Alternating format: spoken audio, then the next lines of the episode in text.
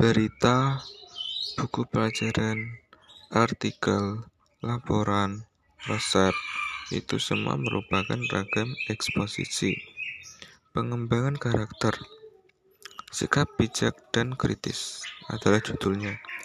Diperlukan sikap bijak dan kritis dalam mendengarkan suatu pemberitaan, tidak menerimanya dengan begitu saja. Sebelum menyatakan persetujuan ataupun ketidaksetujuan, hendaknya kita melakukan kritisi dan cek silang atau cross check. Pada media massa lainnya, semakin banyak media massa yang kita dengar akan lebih baik. Dengan demikian, kita akan lebih bijak dalam menentukan suatu sikap.